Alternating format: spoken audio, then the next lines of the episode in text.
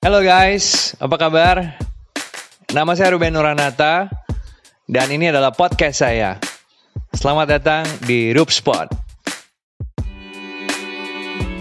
pengalaman selama bawain acara itu eh, macem-macem ya pernah yang untuk acara lifestyle ini nih gue ceritain jadi eh, waktu itu yang gue merasa aduh kok eh, kayaknya eh, ya gue hanya sebagai alat gitu adalah ketika ini udah syuting kita udah selesai syuting episode pertama lalu tiga hari kemudian akan syuting episode kedua gitu Hmm. Nah, setelah itu eh syuting nih episode kedua.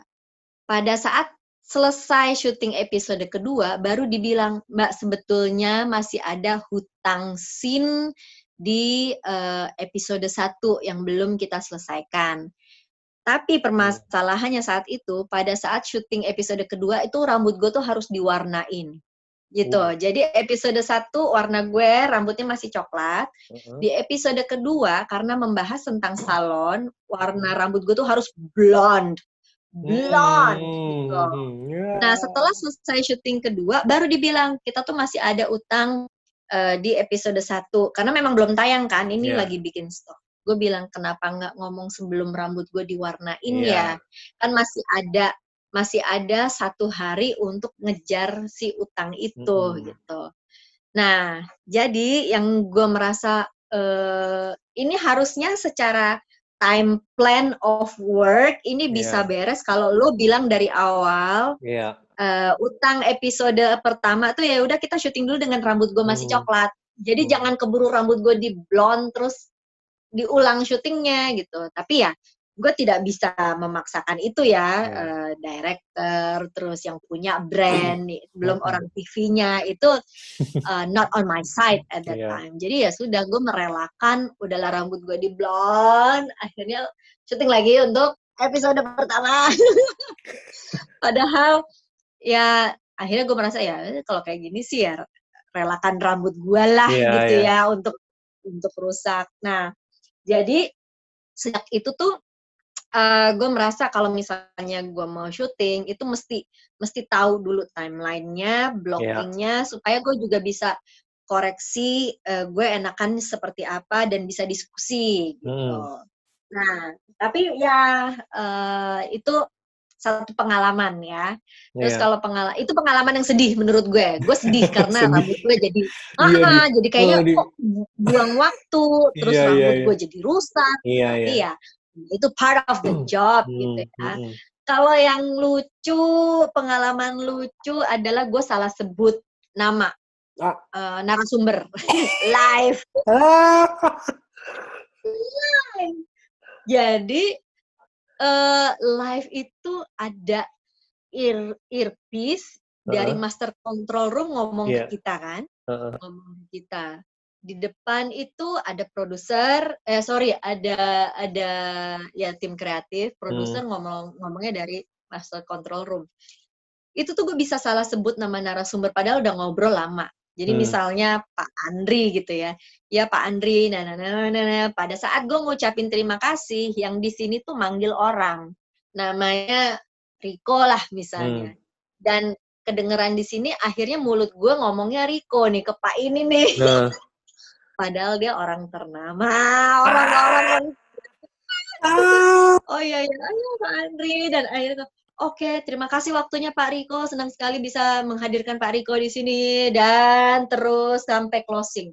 Setelah itu baru ah baru gue denger. Bukan Riko bukan Riko enggak. Aduh iya ya. Tapi tetap ya muka harus kredit title udah naik. Ais. aduh. Oh. dan itu itu itu itu fatal. Itu fatal banget. Dan gue setelah itu langsung minta maaf. Gue bilang gue salah gue nggak konsen gue Iya. bilang gitu. Tapi dia dia nggak tersinggung sih. Dia nggak tersinggung. Dia ngetawain gue dia ngetawain gue. Dia bilang iya sih. Iya iya saya juga kaget tadi kamu ngomong gitu tapi ya udah nggak apa-apa lah kita jalan aja gitu. jadi akhirnya dia yang po-poin gue ya nggak apa-apa nggak apa-apa gitu oh pernah bawain bulu tangkis di MNC. Oh sorry, dulu namanya apa ya? Sun TV ya? Sun TV. Sun TV ya. Ada Sun TV. Gue nggak, gue I, I don't watch ada, TV. Gue gue nggak nonton TV. Jadi nah. gue meraba-raba.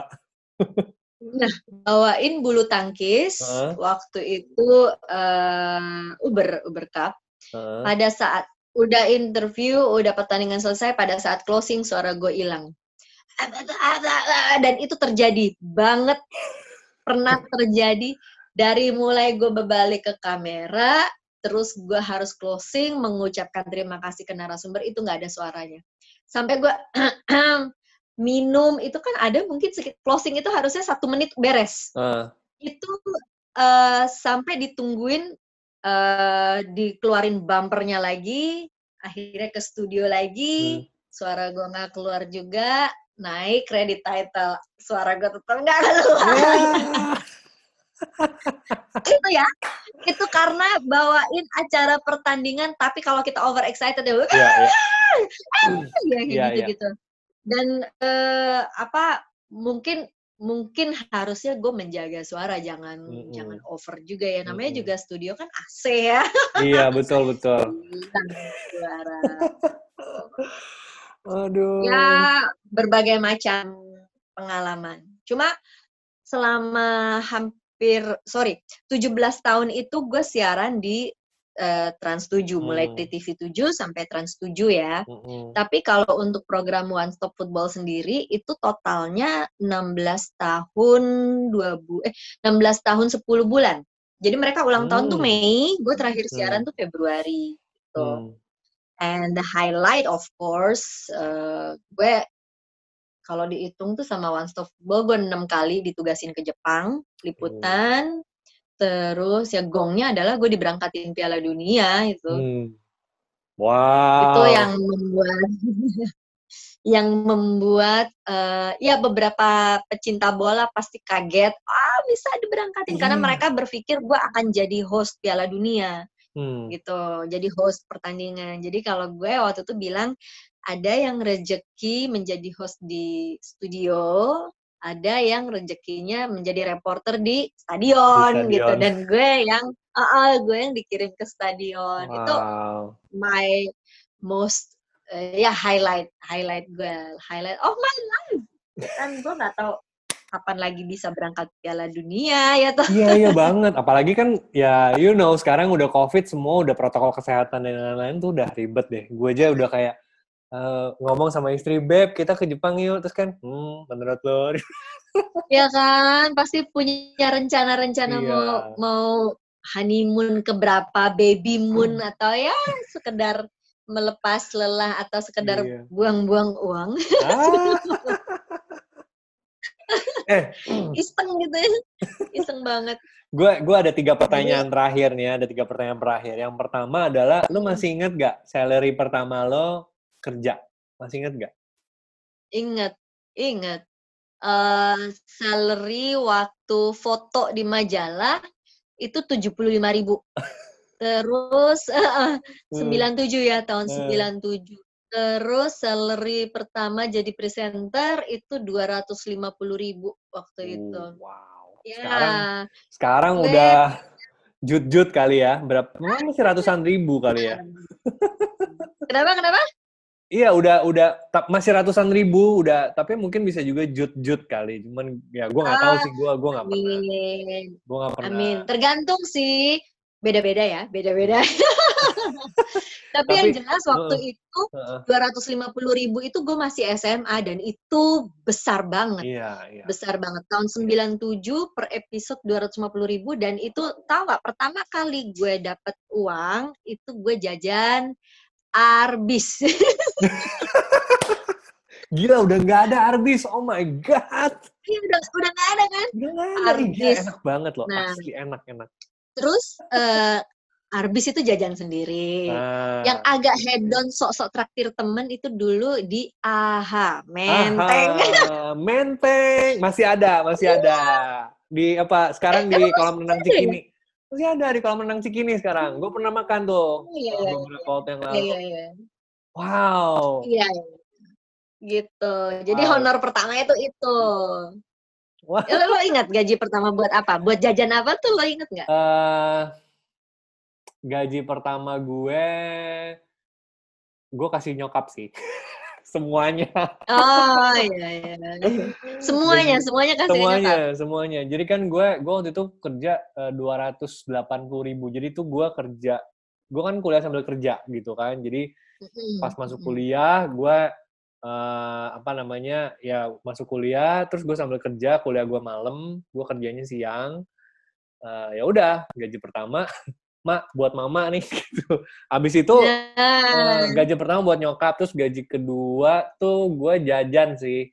Cuma gue lupa pokoknya gue yang gue inget gue ajak teman SMA gue kayaknya makan di Mac di Sarina deh gue lupa lupa inget sih itu gaji keberapa oh, pokoknya iya, iya, iya. nongkrong lah intinya gitu. Gue bayarin tenang aja gitu kan. Dulu dulu juga uh, ya gaji pertama kasih ke nyokap itu yang yang ideal ya. Maksudnya kan selalu pengen gitu. Cuman kalau dulu uh, gue pas bilang gitu udah simpen aja. Karena kan jauh ya nyokap gue yeah. waktu itu di iya. Palembang gue udah di Jakarta. Dan gak zaman ATM transfer kayak yeah, sekarang bener, bener, bener. gitu kan. Jadi udah pakai aja buat kamu. Nanti aja kalau mama ke Jakarta baru jajan yeah. bareng gitu. Ya udah gue akhirnya jajan habis. Cuman ya memang memang pengen ya pas udah punya uang sendiri tuh pengen kasih ke orang tua ya, gitu. Pasti, pasti Dan banget. dengan begitu katanya rezeki kita makin dilancarkan kan. Oh, amin. ya amin, gua aminin deh. Eh, iya. uh, satu pertanyaan nih ya. gue terakhir-terakhir ini kan ngeliat uh, lo jadi bener nih guys, ya kan dari planet remaja ke planet football. Jadi planet football tuh maksudnya uh, dari planet yang berkaitan dengan semua tentang remaja uh, beralih ke planet football yang semua berkaitan dengan sport dan itu semua uh, apa namanya jadi kayak benang merah ya dari SMP SMA kan lo demen olahraga kan memang gitu ya dan satu dan sekarang guys ya ini adalah seorang instruktur gitu kan ah, instruktur yeah. pound. Is it right? Pound right Ya, nama olahraganya itu Pound Fitness. Pound uh, Fitness. Seperti yes. mm, Pound. Fitness. Hmm. Tapi mereka nama social medianya adalah Pound Fit because Pound fit. Uh, we want to be fit with Pound. Iya, gitu. dari kapan? Itu 2017. Okay. Um, ambil license untuk ngajar itu 2017 bulan hmm. Mei gitu. hmm. gitu. Jadi sebenarnya uh, gue bukan tipe orang yang bisa olahraga sendiri. Okay. Jadi kalau dari dulu itu hmm. olahraga gue pasti ya yang bermain gitu bermain, ya. Bermain betul, gue tahu. Hmm, basket, terus sempat volley, tapi volley kok lama-lama peminatnya dikit banget gitu. Terus ikut iya, akhirnya ikut softball dulu waktu di Palembang. Tapi nggak bisa tuh gue olahraga sendiri yang kayak orang-orang uh, mau pergi renang ah gitu ya terus yeah. renang atau atau lari lari jogging gitu hmm. gue nggak bisa tuh yang kayak gitu kok cepet cepet bosen ya nyoba lari tuh pikirannya ke mana-mana gitu yeah. pengen ini pengen ini terus mulai mulai kalau ada yang yeah. emosi kan kalau ada yang gangguin tuh pengen rasanya pengen gue balik aja kayak uh, gitu uh. itu nggak bisa terus um, pernah uh, waktu mau nikah ceritanya, uh. waktu mau nikah uh, join ke gym. Uh, seberang gedung studio kita itulah. Ah, gue tahu gymnya. waktu itu kan EX baru uh, buka, oh, EX. terus ditawarin gitu dengan dengan harga dengan harga yang oke. Okay. Hmm. Nah, tapi itu di situ tuh gue bingung uh, treadmill lama-lama kok sebel ya sebelah sebelah itu. Kalau ngelihat timer itu emosi. Oh iya. dia udah lima menit gitu. Gue baru semenit. Terus udah akhirnya lamain lagi deh. Kalau misalnya gue udah sekitar 7 menit 8 menit dia udah mulai incline kan. Hmm. gue terintimidasi. Waduh dia naik nih. Ganti ah gitu. Ganti nggak jadi. Gue nggak jadi uh, apa treadmill nggak suka. Uh. ganti yang itu yang yang crossfit eh, apa namanya, namanya Uh, ya cross cross ya, ya, ya itu lah ya. Uh. Ya gitu, gitu. Terus capek, uh. manja aja sih capek, ya nggak mau. Terus gue ngelihat kalau kan alatnya banyak banget di gym itu kan, uh -uh. main alat ada yang ngantri sebel, pindah gitu. Atau disamperin sama pitinya kadang-kadang kan yeah. mereka mau bantu. Mm-mm. baik mau bantu tapi gue nya nggak nggak agak agak risih gitu Hmm. akhirnya lihat jadwal kelas-kelas nah waktu itu ada kelas-kelas kayak body pump Iya, iya. terus body combat Mm-mm. terus step pertamanya nyoba step step step step ah kayaknya enak nih ngikutin begitu ngikutin pusing kayak keserimpet serimpet gitu akhirnya udah body combat body combat itu gue suka banget suka Hmm. banget karena gue ngerasa eh, ngerasa gue bisa menyelesaikan satu sesi gue ngerasa keren gitu Hmm. terus ikutan body pump body pump itu juga gue ngerasa wah akan akan ada otot-otot gitu Ih.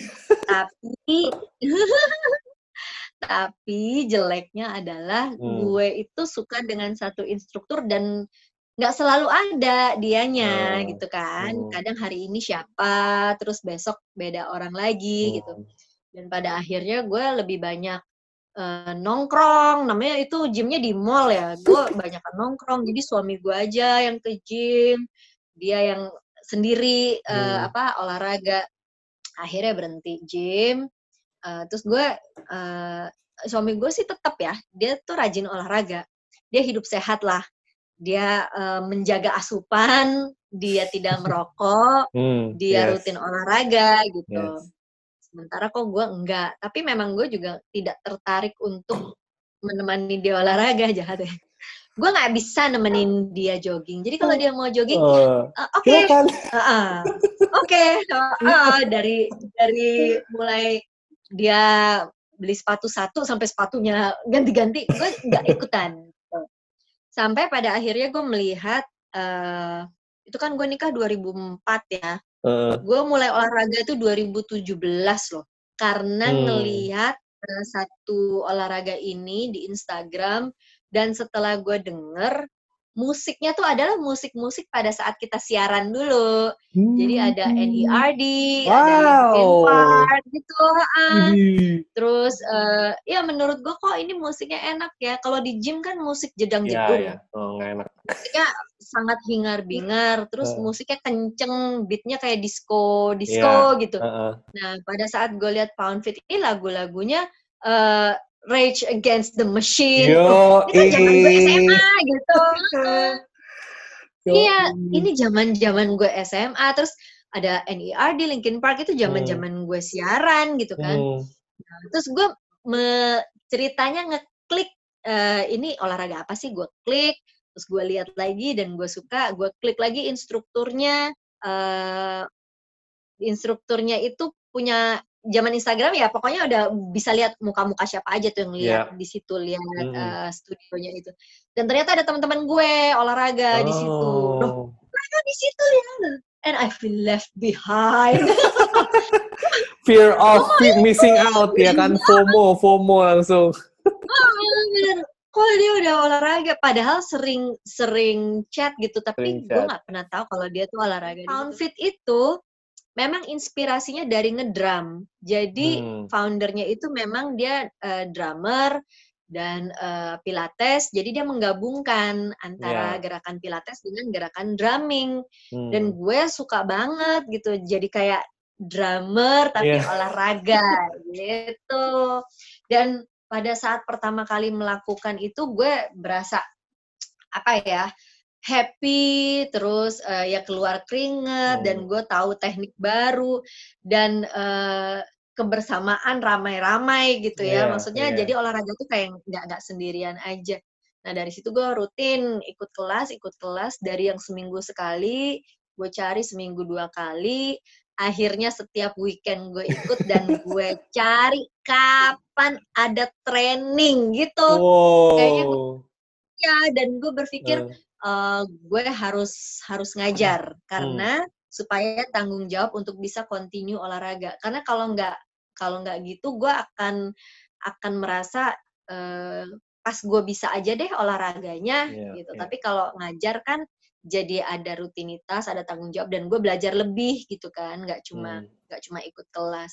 Ya udah cari kapan training yang terdekat yang terjangkau gue daftar gitu itu 2017 bulan Mei Hmm. tuh Sampai sekarang ya jadinya eh, apa namanya jadi pengajar jadi instruktur ya. pound fit ini. Mm -mm, uh. Nah, ini kan sebenarnya ya nggak pernah nyangka gue bisa dan nah, mau jadi yes. instruktur mm -hmm. gitu. Mm -hmm.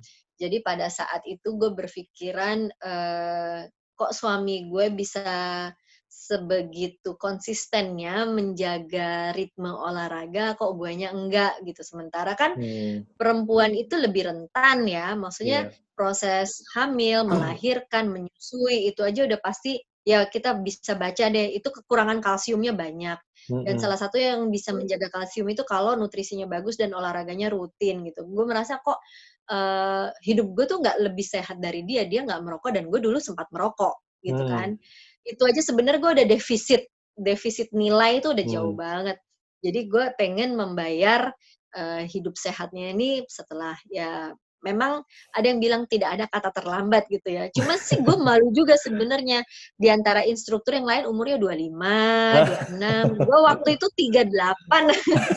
Hah? 3 38 tuh baru jadi instruktur tuh udah telat.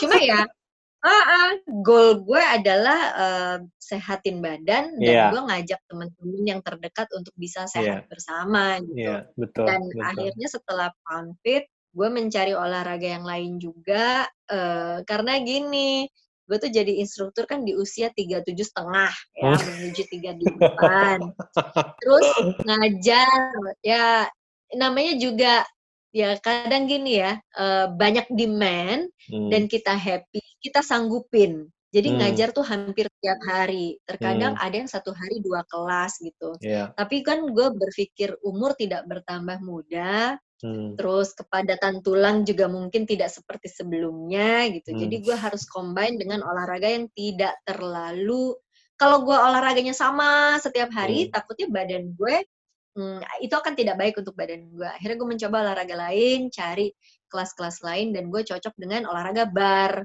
gitu. Hmm, dan olahraga bar ini mm -mm, uh, seperti balet, tapi pilates mm -hmm. gitu. Basicnya pilates, tapi dengan postur-postur uh, yang terjaga, tapi posenya cantiknya seperti balet. Dan kayaknya gue uh, merasa gue cocok bisa mengakomodir uh, apa ya Eh, tujuan-tujuan itu maksudnya di pound itu menghentak yeah. hype gitu kan mm, tapi mm. kalau di bar uh, bar workout itu kita lebih tenang lebih firm gitu jadi mm. gue merasa ini bisa menjadi uh, hal yang membuat gue lebih balance akhirnya gue juga training bar di 2018 terus di 2019 ada barless without the bar bedanya mm. kalau bar pakai tiang kalau barless nggak pakai tiang ya jadi uh, sekarang gue ngajar tiga kelas itu pound fit bar sama barless wow. setidaknya setidaknya wow. bisa membuat bisa membuat teman-teman ingin sehat bersama gitu sih masa yeah. bawain acara olahraga tapi nggak olahraga kan lucu ya nah bener banget kan bener banget tuh dari dari dari planet remaja sekarang ke planet sport ya semua berkaitan dengan sport, olahraga. Iya. Aduh. Mudah-mudahan sih bisa.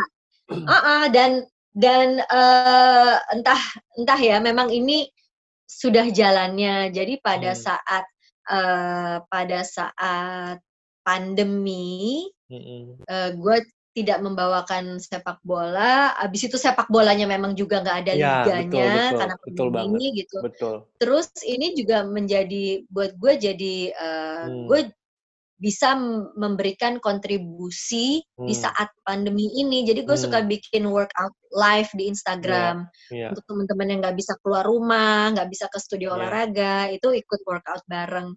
Gue nggak kebayang kalau misalnya gue nggak punya skill ngajakin orang olahraga, ya mungkin gue apa ya acaranya di rumah masa yeah. masak nggak bisa. Masak. masa mau ngajakin orang masak-masak sedangkan gue bisanya makan nanti kalau ngajak ngajakin orang makan nanti uh, apa ya kesannya jadi uh, oh kok tidak prihatin sih di era seperti apa di di masa seperti ini hmm. jadi ya ini menurut gue emang gue sudah diberikan jalan seperti ini supaya bisa sharing ilmu untuk teman-teman yang mau olahraga bareng. Mungkin mereka kan juga mikir ya ke studio, studio tutup.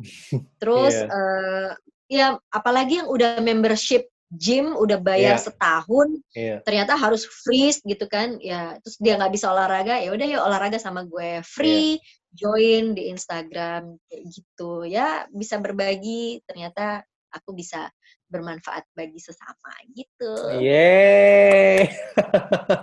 jadi jadi lu bakal terus lu bakal terus menekuni ini kan ya sampai you don't know when sampai kapan gitu tapi lu akan terus menekuni ini kan ya. ya karena berkembang kok maksudnya Berkembang ya. Betul, dari betul. Ah, dari ngajar olahraga Iya. itu eh, gue ambil workshop nutrisi juga Iya. supaya bisa inline. Jadi banyak yang pengen olahraga tujuannya mau kurus, mau hilang berapa kilogram gitu. Iya.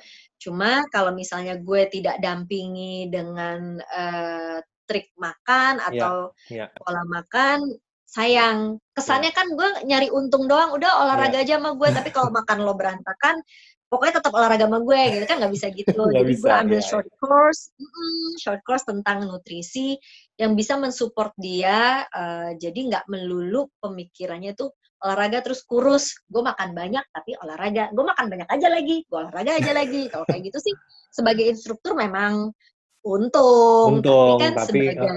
Hmm, kalau misalnya kita mau melihat lebih dalam dari itu ya gue nggak bisa seperti itu nggak bisa ngambil untung jadi pasti akan Iya. gue dampingi dengan trik cara makan terus pemilihan eh, waktu minum seperti itu. Hmm. dan apa ya eh, sebenarnya jadi seni juga karena selain kita tahu karakter orang oh beda-beda ya ada yang pasrahan ada yang ngototan uh-uh Ah. ada yang pasrah, ada yang ngotot, ada yang ambisi, ada yang Iya. targetnya kecil-kecil tapi tercapai, ada yang Iya. memang pasang target panjang. Nah, kalau misalnya gue tidak melengkapi ilmu gue dengan eh, pendampingan, Iya. nutrisi atau secara at least secara psikologis deh gitu ya. Hmm. Jangan ukur dengan timbangan, kamu Hmm. ukur dengan celana jeans aja. Gitu. Kalau nggak dikasih insight seperti itu, pasti pemikiran orang gue mau kurus, gue mau kurus, pokoknya mau kurus seperti itu. Iya. Ya kalau kurusnya lihat dari timbangan, ntar timbangannya nggak turun dia stres gitu Hmm. kan. Jadi gue juga harus bisa mendampingi secara psikologis bahwa eh, goalnya tidak melulu soal timbangan. Goalnya adalah pertama lo nerima badan lo dulu, terus happy, terus Hmm. bisa continue yang seperti Hmm. itu. Itu ber- berkembang ternyata. Again, public speaking sangat membantu di sini ya. Yeah. Yes. Skillnya sangat sangat kepake di sini. Eh, Ya nggak lu jadi kan? dokter nggak apa-apa, tapi aku bisa membuat orang sehat juga kan udah happy gitu. Lo mau kan kalau ngajar public speaking ya? Eh, aku ilmunya jauh di bawah kamu loh kalau public speaking pasti kamu. Gak lagi. Maksudnya gini, kalau kalau Ruben emang udah sekolah public speaking, kalau gue kan hanya pengalaman ya dari pengalaman aja. Gitu. Gue nggak pernah nerima. Kenapa? Ya enggak lah, lu juga punya pengalaman yang yang bagus lah untuk public speaking. Kan pengalaman kita nggak bisa bikin apple to apple kan kalau pengalaman, ya kan? Gue pengalamannya Ya, waktu di di sekolah public speaking lebih banyak di ngembangin modul. Jadi gue banyak insight-insight kecil gitu yang yang yang gue pelajari untuk gue masukin ke dalam uh, materi pengajaran gue. Nah, lu kan lebih kayak yang uh, tampil di depan, triknya gimana. Terus kalau misalnya kayak tadi pengalaman pengalaman eh bener loh, lu banyak sekali orang yang yang ini sedikit tentang public speaking ya. Banyak sekali orang yang eh, dia itu kalau udah bikin salah, dia nggak tahu gimana cara escape-nya. Ya kan? Dia nggak tahu mm. gimana cara keluarnya gitu. Aduh, gue bikin salah dan dan ada beberapa ya ada beberapa kasus juga yang gue ketemuin udah bikin salah terus dia freeze. Aduh, gila gue salah dan dia berhenti di situ gitu. Padahal nih running Hmm. terus acaranya gitu kan. Ya, Kayak kayak gitu kan cerita pengalaman lo. Eh, cerita pengalaman lo yang salah ngomong, lo sikat terus gitu kan. Tuh kayak aduh, ya deh minta maaf ya ntar aja deh pokoknya kadung misalnya gini. Jadi ya cerita-cerita seperti itu kan yang yang bisa memberikan inspirasi ya buat banyak orang gitu loh. Lu bisa bantu banyak Iya, orang iya, juga iya. kan. Iya kan? itu itu satu satu ilmu yang gue dapet dari eh, suami gue ya as dia as a trainer Hmm. eh, waktu itu pernah bilang kalau radio lagi dead air, Iya. terus kita balik on air, nggak usah minta maaf, udah langsung siaran Yes, seperti betul. tidak berjalan apa-apa. Dan gue berpikir bukannya mestinya say sorry ya gitu, tapi sempet sempet eh, pas lagi di mobil denger satu radio dan itu dead air, begitu balik lagu ya, setelah lagu penyiarnya bilang "Eh, sorry buat yang tadi kita sempat ini ini ini ini gitu. Dan gue ngerasa wah untuk pendengar yang baru tune in malah jadi tahu deh kalau tadi tuh Iya, mati gitu. heeh. Jadi gue berpikir bener juga ya saran Bener. yang Betul, suami gue kasih tuh betul. waktu itu kalau misalnya dia udah berjalan seperti apa adanya dan itu Iya. buat di TV ngaruh atau Ngaruh. buat di stage. Iya, betul. Gue pernah. heeh. Iya kan? Heeh. Kayak misalnya gue pernah mikrofon gue mati dan gue kesetrum mikrofon tuh pernah. pernah banget. Dan itu akhirnya ya kita harus eh, i- i- harus Iya, kayak nggak ada apa-apa gitu ya. Meskipun orang mungkin lihat gitu, Heeh. tapi ya kita nggak bilang bahwa oh sorry gue kesetrum gitu kan Heeh. jadi kayak seluruh audiens malah akan merasa oh kasihan oh nanti gimana dan Heeh, itu energi yang Iya. energi yang tidak kurang Iya, baik lah heeh, untuk kurang baik. Betul, betul. di stage. Betul, ya, ya, betul. seperti itu tuh sharing ilmu Iya. sesama teman gitu. Iya, gue gua tuh gue tuh seneng banget. eh, maksudnya ilmu waktu ilmu dari Adin gitu ya, dari dari Adin tuh kayak eh, membekas banget gitu buat gue tuh jadi kayak ini. Gue pernah lagi nge-MC, nge-MC wedding, terus gue dikelilingi anak-anak yang lagi pada main haur-hauran gitu kan ada konfeti lo tau kan. Terus di depan gue kan, jadi kan gue itu tuh gitu anak-anak pada main haur-hauran gitu kan di depan gue terus kayak gue lagi ngomong, lagi mencoba untuk konsentrasi. Ayo, jadi gue gue inget banget tuh udah apa pun yang terjadi lu mesti move on dan you have to be creative gitu kan tapi ini ganggu Eh, banget eh. sampai sampai yang di sepatu-sepatu gue tuh diambil-ambilin sama anak-anak gitu terus kayak aduh I have to say something gitu about this eh anak-anak aduh seneng banget loh hari ini ya kan udah pestanya meriah anak-anak juga happy lihat nih teman-teman ya kan udah banyak gini gue kayak berkreatif Jadi, akhirnya mamanya orang tuanya yang malu udah pada ditarik-tarikin gitu. oh ya Hmm, oke ini dia hmm. nih ilmu baru gitu yang gue alamin Iya, gitu iya, pengalaman iya. baru dan Iya just go on gitu just ya. go on aja dan dan gue berapa kali kan dead air gitu kan eh, di ya di radio dead air berapa kali tuh gue ya udah sikat hajar bleh aja ngomong aja udah dan itu bener banget bener banget itu ada Iya iya itu itu kepake banget memang. pakai banget Sama itu dipakai juga pada saat gue ngajar olahraga. Terkadang juga eh, off beat gitu ya. Oh itu beatnya udah lewat, harusnya gue gerakannya yang ini. Iya. Yaitu kita harus tetap ngajar dengan gerakan yang selanjutnya gitu. Nggak usah bilang ah, ah salah, terus Heeh. mesti ulang lagi lagunya kan nggak mungkin. nggak gitu. mungkin Iya, memang eh, apa ya? em, dari satu bidang ada pelajaran pasti akan bisa Iya. dipakai di bidang yang lainnya. setuju banget Tuh. setuju banget gua gua pengalaman gue juga gitu ngajar ngajar online kan di zoom gitu kan suka you know agak-agak freeze dikit gitu kan terus lanjut lagi ya udah gue ngomong aja terus sebodoh. Padahal dia nggak denger. Mas bisa diulang lagi nggak? Oh ya saya ulang ya. Tadi sampai mana? Gini gini gini. Oh iya. Sampai ngomong pokoknya minta ulang baru diulang ya. Kalau Iya, enggak, baru diulang. Kalau nggak like hajar terus. eh satu nih. Satu nih dek. Terakhir terakhir banget. Ini sel- ini pertanyaan ini selalu gue tanyakan kepada narasumber gue gitu yang yang yang gue ajak ngobrol. Eh, eh, kalau lu dikasih satu kesempatan gitu ya cuman satu kesempatan dan lu nggak punya kesempatan lagi untuk berbicara eh, di depan banyak orang gitu ya. Bayangin nih ya lo lo lagi di depan eh, ya kalau film apa Bohemian Rhapsody lu ada di depan banyak orang gitu dan itu momen yang lo nggak bakal dapat lagi gitu kira-kira lo mau Hmm. ngomong apa apa yang lo mau sampaikan ke mereka if you have this one moment in your lifetime and you have to say something really important to them what will it be Hmm.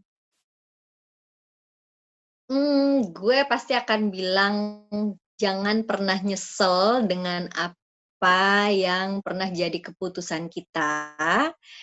Perbaiki aja ke depannya dan eh, jangan pernah iri sama milik orang lain. Itu doang.